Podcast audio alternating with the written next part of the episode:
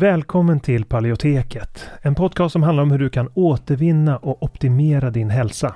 Vi presenterar spännande forskning, praktiska verktyg och inspirerande berättelser som ska hjälpa dig att ta makten över din egen hälsa. Vi som gör podden heter Karl Hultén och Anna-Maria Norman. En bristande maghälsa kan ge symptom i helt andra delar av kroppen. Det är något som många tyvärr inte känner till trots att mer än en miljon svenskar har IBS idag. Alltså problem med magen. Och tyvärr är magproblem i de flesta fall inkörsporten till annan ohälsa. Det kan vara inflammation, diffusa symptom, allergier eller autoimmun sjukdom. Och för att möta den här trenden av växande behov så har vi utvecklat kursen Maghälsa på djupet. Där vi går på djupet med att vända dålig maghälsa som SIBO och IBS. Och det här är viktiga delar av kursen som vi talar om och den senaste forskningen på de områdena. Och vi djupdyker i vad forskningen säger om de senaste naturliga terapiformerna, kostmetoder, kosttillskott, probiotika och så vidare. Och kursen den kickar igång fredagen den 3 maj och har fyra olika faser och tre frågestunder live. Och dessutom har vi olika resurser och guider att ladda ner från kursplattformen. Så du kommer få lära dig allt om hur du kan använda kosten som en väg till läkning, när, var och hur, hur du kan använda olika kosttillskott och probiotika. Och om du redan är medlem i Hälsodetektiverna så får du som vanligt en rabatt på allt vi gör, så även den här kursen. Och den här kursen tror vi är en perfekt väg för dig mot en bättre maghälsa där du inte bara får lära dig ett metodiskt tillvägagångssätt för att minska dina symptom utan också förstå de underliggande orsakerna. För att läsa mer om kursen och anmäla dig till den går in på paleoteket.se och klickar på utbildning. Eller klicka dig vidare från länkarna i podcastbeskrivningen. Så varmt välkommen till Maghälsa på djupet. Vi ses där när kursen startar, den 3 maj. Innan vi kör igång med dagens tema vill jag påminna om att den här podcasten har ett utbildande syfte och inte utgör medicinsk rådgivning. Nu kör vi!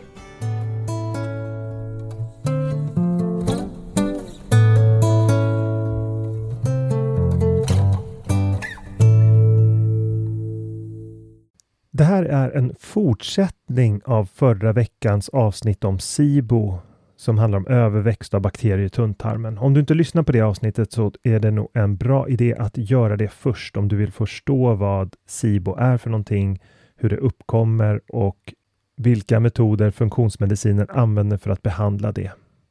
I det här avsnittet pratar vi med Peter Martin om den fallstudie kring karnivorkost som han publicerat tillsammans med Martina Johansson och Anneli Ek och som heter A zero carbohydrate carnivore diet can normalize hydrogen positive small intestinal bacterial overgrowth lactulose breath test, a case report. Vi skickar med en länk till den fallrapporten i podcastbeskrivningen. Där kan du läsa mer om resultaten efter sex veckors karnivorkost för att rå på problem med SIBO.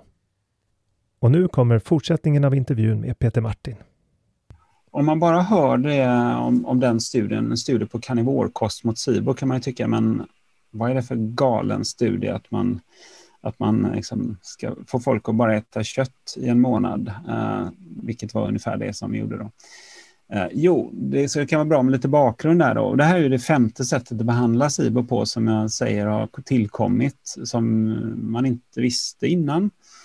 Eh, och det för att vara noga då, det är ingen studie egentligen, utan det är ju en, en fallrapport, en fallserie kan man kalla det. Så man tittar bara tillbaka på vad har hänt eh, och så rapporterar man det. Så det är inte så att man tittar framåt eller att man bestämmer att du ska äta så här, du ska äta så här. Det är bara, här är bara eh, i studien, vi kallar, kan kalla det för studien även om det inte är en studie, då, för det är en mm. vetenskaplig artikel. Då. Mm. Men i, i artikeln så har vi haft um, sex stycken patienter som vi har rapporterat hur det har gått för dem. Eh, och det de gjorde då var att de, de tog bort all annan mat och dryck förutom det som kommer från djurriket eh, under olika, det var allt mellan två till sex veckor. Och det vi har mätt då är ju att vi hade sett att de hade tydlig tecken till SIBO, eh, framförallt vätgaskurvan var hög på de här patienterna innan. Och sen så, det enda behandlingen de gjorde var att att lägga om sin kost. De har inte tagit några antimikrobiella medel eller, eller några eh, antibiotika. Så det är just det som är grejen, att vi vet varför är det, är det de här patienterna rapporterar? Jo, för att vi, vi vet att de har följt just de här riktlinjerna om att äta just bara en carnivorekost. De har inte hittat på något annat. Det är liksom rent, snyggt. Vi kan lita på att de har gjort det som står i, i artikeln där. Um, mm. Vad såg ni för eh, vad, vad, såg ni för resultat i har du det i huvudet? Alltså, såg, såg alla patienter en, en, eh, eh, en normalisering? Eller var det? Ja, eh, det kan man säga att alla patienterna såg faktiskt en normalisering på den här kurvan. Uh, så den var, och den här går att hitta på nätet. Ni kan ju länka till den om ni vill. Mm, det kommer vi göra. Men det var en patient som kanske inte den normaliseringen var helt 100% tydlig, men det, det var den patienten som också bara åt den här kosten i två veckor. Det intressanta med just den patienten som var den, den patient nummer tre i den här fallserien då, var att hon hade varit väldigt svårbehandlad. Vi hade provat att behandla med antibiotika och på andra sätt. Men vi hade inte kunnat få ner den här kurvan. Men med två veckor carnivorekost så var den nästan helt, helt normal. Mm. Så det var väldigt intressant som fynd. Sen ska man veta att det, här, det vi rapporterar, huvudrapporten här är ju att ja, den här SIBO-kurvan, den, eh, den kan vi rätta till på det här sättet. Och det är ju huvudmålet med det vi gör kliniskt också, eh, om man tittar mätmässigt. Men sen, det säger ju inte att alla patienter har blivit helt utan eh, till exempel SIBO. De skulle kunna fått vätesulfid-SIBO istället, eller som vi inte kan mäta, kan man tänka sig. Eh, och vi har inte liksom följt symptomen eh, superstrukturerat eh, med mätning före och efter, så här, det, eftersom det inte är en klinisk studie. Däremot så har vi rapporterat i tabellform en del saker som de här eh, patienterna har upplevt. Då. Så det kan man, det kan man se i, i tabellerna i artikeln under resultat. Då kan man titta på det. Då kan man se att en del har gått ner i vikt och uh, någon trivdes bra med kosten, någon annan tyckte att det var ganska, ganska jobbigt. Och, så, men allt det där finns mm. rapporterat så gott vi kunde få ut det ur journalerna. Då. Hur, hur blev du inspirerad att ens börja titta på det här och komma med eh, ja, men komma med det som ett förslag till patienter? Jag har jobbat med SIBO sedan 2015 och mätt det i eh, de flesta av mina patienter. Då. Så att jag har följt det här fältet och då um, men då har inte carnivorekosten funnits under den tiden, utan carnivorekosten kom till mig på hösten 2018. Jag tror det var september, oktober någon gång. Så var det en läkare som var och hälsade på mig från Stockholm funktionsmedicinsk läkare och han, han pratade om det här med carnivorekost eh, som håller på att bli så stort på nätet. Eh, jag trodde han skämtade med mig först. Men eh, sen började jag titta på det och sen började jag läsa och jag är sån att jag är nyfiken men skeptisk och jag litar i stort på att folk talar ju liksom sanning. Det är inte så att man ska vifta bort dem om man har något intressant att säga. Då ska man ju lära sig mer om det och försöka förstå mer om det. Så jag kastade mig över det ämnet och läste allt jag kunde. Och då kommer man också in på väldigt mycket evolutionära tankar och ännu mer av till exempel Ancestral Health eh, Symposium eller AHS kan man ju titta på filmer på nätet med folk som har forskat på detta. Och Mickey Bendor är en israel som har väldigt intressant forskning kring det här. Och då, då växer det liksom fram en bild av att aha, ja, det är klart människan kan leva på bara animalieprodukter om man äter tillräckligt mycket fett. Då. Eh, Okej, okay, okay, då landar man i det och så tänker man, men ja, vill, ska alla göra det? Eller vill, när, ja, så, så, men så, så tittar man ut genom fönstret nu i mars här i, i Sverige ser man ja, det finns inte mycket växter jag skulle kunna gå ut och äta nu liksom. Så det måste ju ha funnits människor på många ställen på jorden som har levt på bara animalieprodukter under månader. Mm. Eh, så, så, tänker man hur påverkar tarmfloran då? Så vet man det att vi vet inte vad normal tarmflora är. Vi vet bara liksom i relation till den västerländska kosten och, eh, och så tittar vi på några naturfolk och sådär. Men det, vi vet ju inte eh, alla olika koster och vilken tarmflora som är normal. Och så. så det, det, finns väldigt mycket okända faktorer där. Ja, just det. Ja, men precis. Det är väldigt många okända faktorer i, i det hela och där blir just det här evolutionsperspektivet väldigt värdefullt. För som du var inne på, ehm, um, jag, det, jag kommer att tänka på en studie som kom nyligen som handlade om, eh, eh, det var en, en, gen som kodar för köldreceptorer eh, och som är kopplad, eh, som är då väldigt, väldigt nära kopplad till just eh, Norden, där omkring 80-90 procent har hög förekomst av den här genen. Sen eh, minskar den i förekomst ju lägre ner man kommer på breddgraderna och då vid ekvatorialplanet och man kommer ner eh, i eh, Centralafrika så finns det nästan inte alls då. Eh, så det, det, är liksom ett, en genetisk anpassning som är liksom knutet till förutsättningarna på platsen. Och, och på samma sätt så eh, vår hud är också eh, ljus för att kunna eh, bilda mycket D-vitamin under vintern och vår kost har ju också naturligtvis varit jättenära knuten till de lokala förhållanden vi har haft. Och där, eh, där har vi, eh, ja, men som, för de som härstammar från eh, nordeuropeiska jägarfolk som har eh, följt den här, det har varit eh, jägare på tundran som har följt efter stora villebråd under eh, hundratusentals år. Så eh, det blir i det perspektivet inte så konstigt att, eh, ehm, att karnivorkosten eller att den skulle kunna passa väldigt bra helt enkelt eh, ihop med, eh, ja, men kan, det är ju en ren spekulation att det skulle vara så, det har vi inte jättemycket djup kunskap om, det är komplext. Men eh, att nordeuropeiska folk skulle kunna vara extra väl anpassade till en karnivorkost också, precis som vi är anpassade till många andra faktorer här i Norden. Det som behövs nu är ju precis det som ni håller på med, att göra studier på det.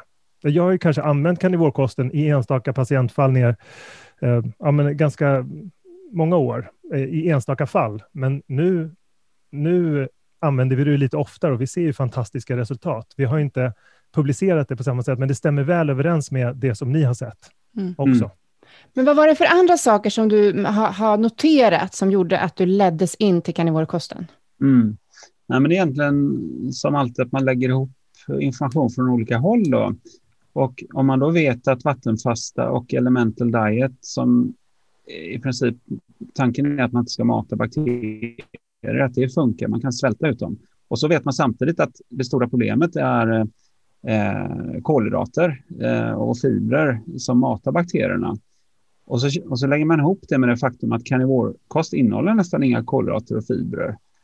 Ja, då blir det ganska logiskt att tänka att ja, men karnivorkost borde kanske också kunna svälta ut bakterier. Så det här börjar vi med redan 2018. Så, um, och eh, det här är ju inte bara liksom att det är en och annan som äter karnivorkost av våra patienter. Du får tänka på att vi, många av dem som har kommit till oss, det är ju inte bara, men, men väldigt många är ju sådana som har varit sjuka många år. De har provat allt. De har, de har gett upp ofta den vanliga vården och tycker att de kan inte få tillräcklig hjälp därifrån. De har provat alla möjliga alternativmedicinska saker, ätit kost på olika sätt. Men det är jättesvårt att göra det här att läka sig själv på en kronisk sjukdom själv, bara med tillgänglig information på nätet. Så, så de, de söker sig till funktionsmedicin där vi är experter på dels att vi faktiskt har så mycket labbtester vi kan ta också då och basera våra beslut på eller våra eh, rekommendationer på.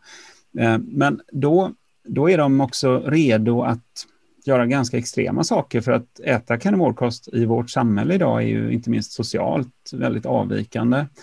Eh, med tanke på att vi har en eh, vegetarisk trend i hela samhället också. Så ja, men då la vi ihop det. Och det här handlar inte om att vi säger åt folk att ah, du ska äta carnivorekost resten av livet. Det tror jag egentligen det är väldigt få som ska. Det finns de som säkert har ett väldigt hyperreaktivt immunförsvar som kanske måste göra det tyvärr. Jag har hört en del sådana historier, men de flesta kan nog faktiskt läka ut saker och ting på detta sättet och sen tåla att äta en hel del annat. Även om de flesta då faktiskt har inte återgår till någon jättebred kost och äter allt möjligt skräp efteråt, utan de har faktiskt fått känna på hur det är att må riktigt bra. Och det kan man ju faktiskt bli beroende av. Mm. Det är jättebra att du nämner det också, att eh, för må många som får höra om det här med karnivorkost, de reagerar ju så starkt och säger att ah, det här är, det är för extremt, jag kan inte ge mig in på det här. Eh, som om det vore för resten av livet, är ju tanken då, verkar det som. Men eh, det, det, är ju, precis som du säger, där kan ju användas som ett verktyg då och då, vid behov, alltså att det kan vara ett anpassningsbart verktyg på det sättet. Eller mm. är det ungefär så Eh, hur använder dina patienter det?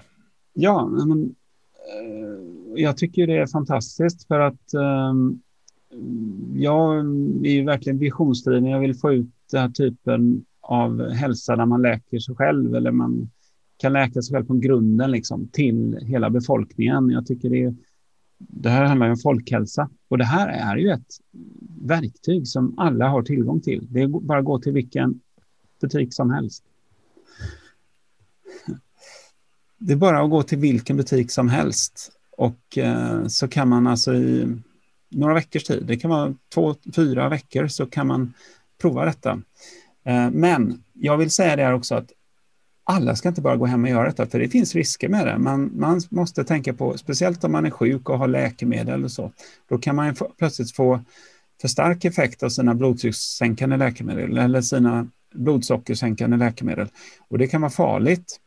För det är så kraftfullt, eh, de effekterna man får på, på kroppen. Så jag hade rekommenderat att man kontaktar någon som är insatt i, i kost och eh, som kan eh, ge råd kring, kring det där. Eller att man faktiskt kontaktar sin vårdcentral och får guidance där och mätningar och man följer upp det här med blodtryck och blodsocker och vad det nu kan vara. Ja, ja det där är ju verkligen jätteviktigt och kanske även också vid, eh, vid lågkolhydratkost till och med när man Eh, kan förlora i blodtryck och, och eh, eh glukos i muskler och lever går ner. Och det där, jag är inte säker på hur mycket de kan om det på vårdcentralen, för jag har väldigt få rapporter och vittnesmål från patienter som har berättat om det, att de har fått det budskapet att ja, lågkolhydratkost det kan påverka blodtrycksmedicinen så här. Det är nog mer att inom funktionsmedicinen att man är medveten om sådana saker. Mm. När, man har ett fokus ja. på kost. Men när det gäller karnivorkost så berättade du nu att i den här studien så har de ätit karnivorkost i sex veckor. Är det ungefär en tidsram som ni brukar rekommendera? Eller hur lång tid brukar ni rekommendera era patienter att äta karnivor? Ja, allting som vi gör med patienten det är att vi har en diskussion med dem och vi, det är egentligen de som bestämmer. Jag menar, jag ser inte det som att jag ordinerar eh, karnivorkost till någon. Jag använder inte det ordet.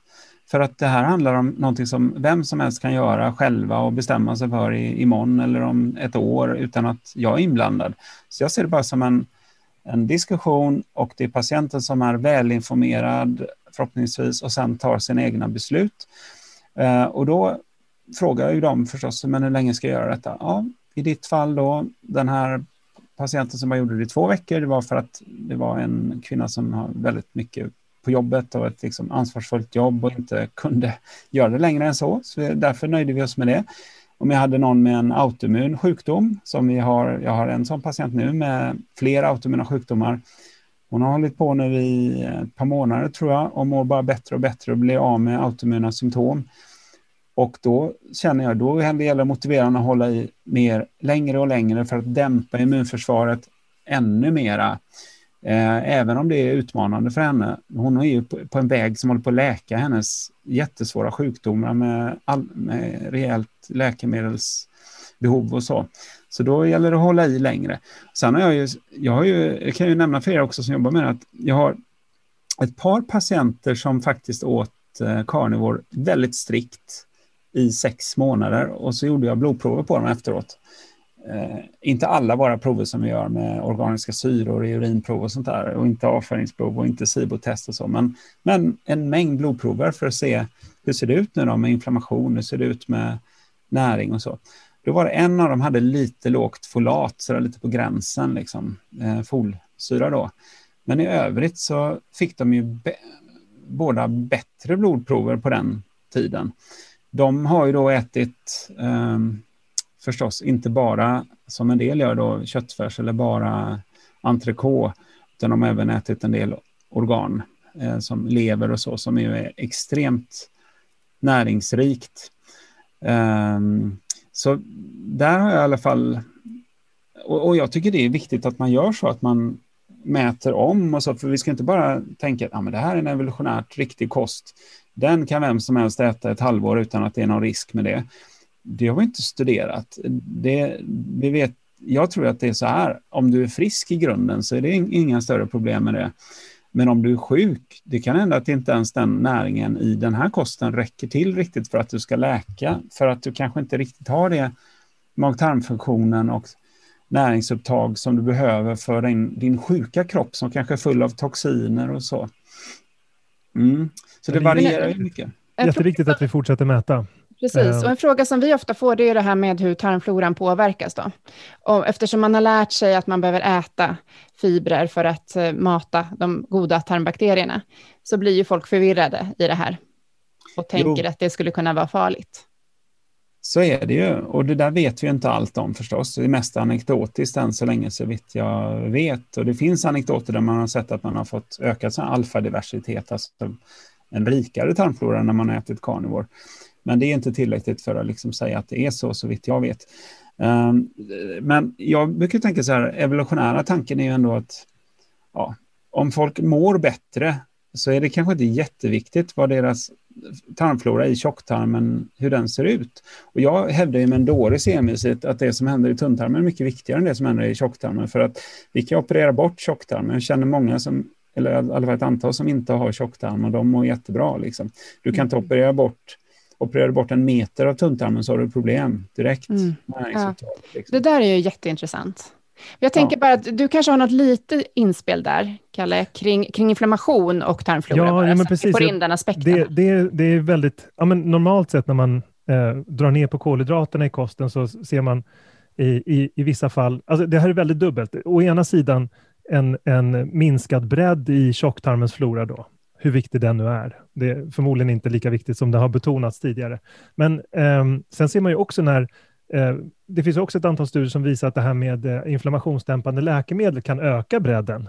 Alltså att man kan skapa eh, på konstgjord väg, skapa ett lägre inflammationstillstånd i kroppen och på så vis skapa utrymme för mindre aggressiva bakterier att också få utrymme. Inte bara de här bakterierna som E. coli med vassa armbågar. Och, ehm, så att när man med kostens hjälp, om det nu är karnivorkost, eh, eh, förbättrar inflammationsläget i kroppen så kan det skapa utrymme för en, för en eh, bredare tarmflora samtidigt som det blir mindre substrat för bakterierna att äta av.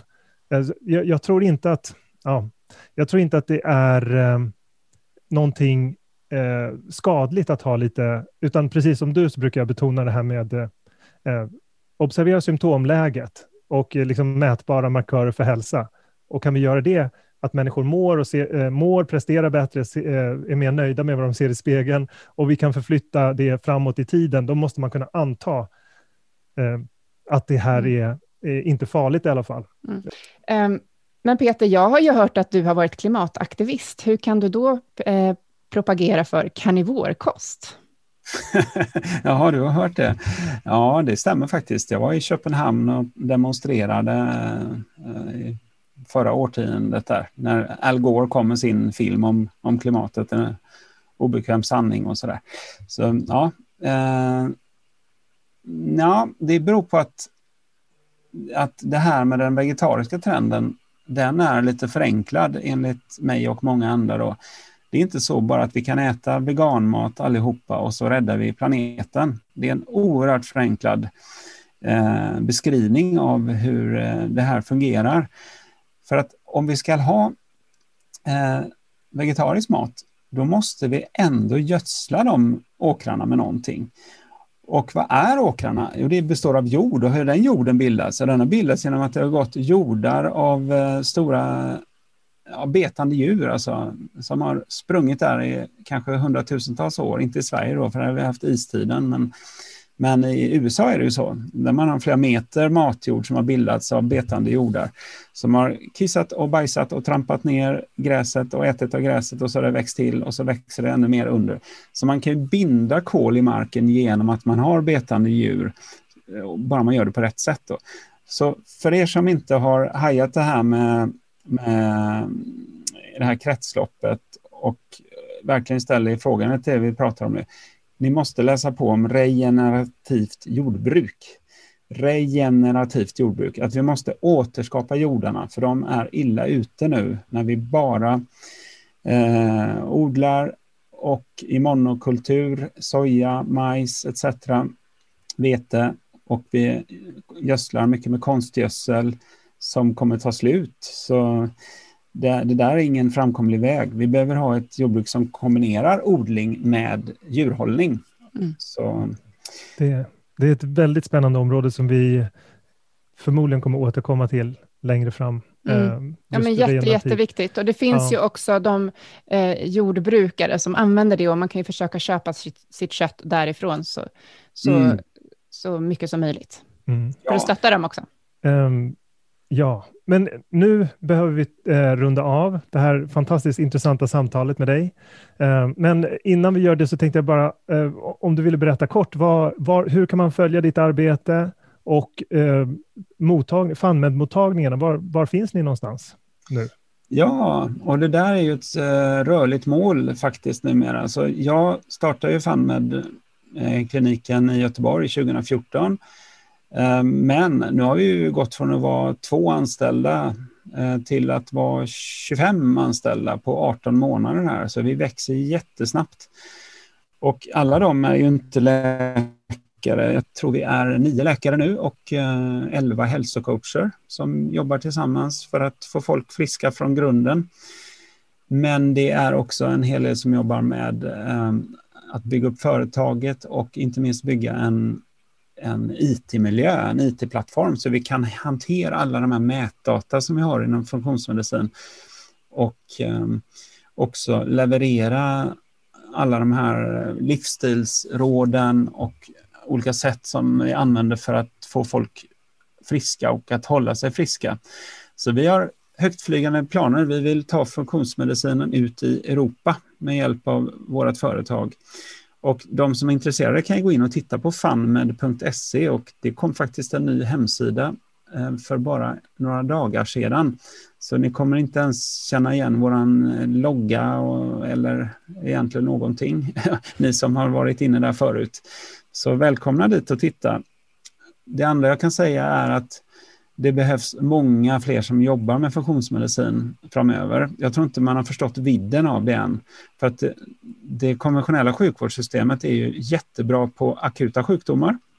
Men de är underpresterande när det gäller att åtgärda livstidsrelaterade kroniska sjukdomar som är 80 procent av sjukvårdsbudgeten. Och då måste vi bli många som jobbar med det i, i framtiden. Och då har vi en utbildning för Dels för legitimerad vårdpersonal som heter funktionsmedicinska vårdutbildningar. Så du som känner någon som är legitimerad, det kan vara läkare, sjuksköterskor eller andra legitimerade, kan gå dit till fmvu.se och kolla upp det. Det finns en gratiskurs i funktionsmedicin där. Och ni som inte är legitimerade kan titta på Funktionsmedicinska institutet eller, eller på Paleo-institutet och lära er mer. Och sen så har ju ni kurser där man kan lära sig mer. Om man inte kommit i kontakt med Karl och Anna-Marias kurser så, så är det en jättebra startpunkt också för att ja, ni är ju verkligen eh, landets experter, inte minst när det gäller autoimmun kost och antiinflammatorisk kost i förhållande till mag-tarmflora och sjukdom. Och autoimmun handbok måste jag rekommendera också till alla som lyssnar. Tack. Mm. Tack. Um, uh, det är väldigt, ett väldigt, ja, men som jag inledde med att säga, det är ett fantastiskt spännande läge vi befinner oss i. Nu blir äntligen många av de här uh, strategierna och teknikerna möjliga för människor att börja uh, få tillgång till. Och att mm. funktionsmedicinen växer så, så snabbt är ju väldigt hoppingivande.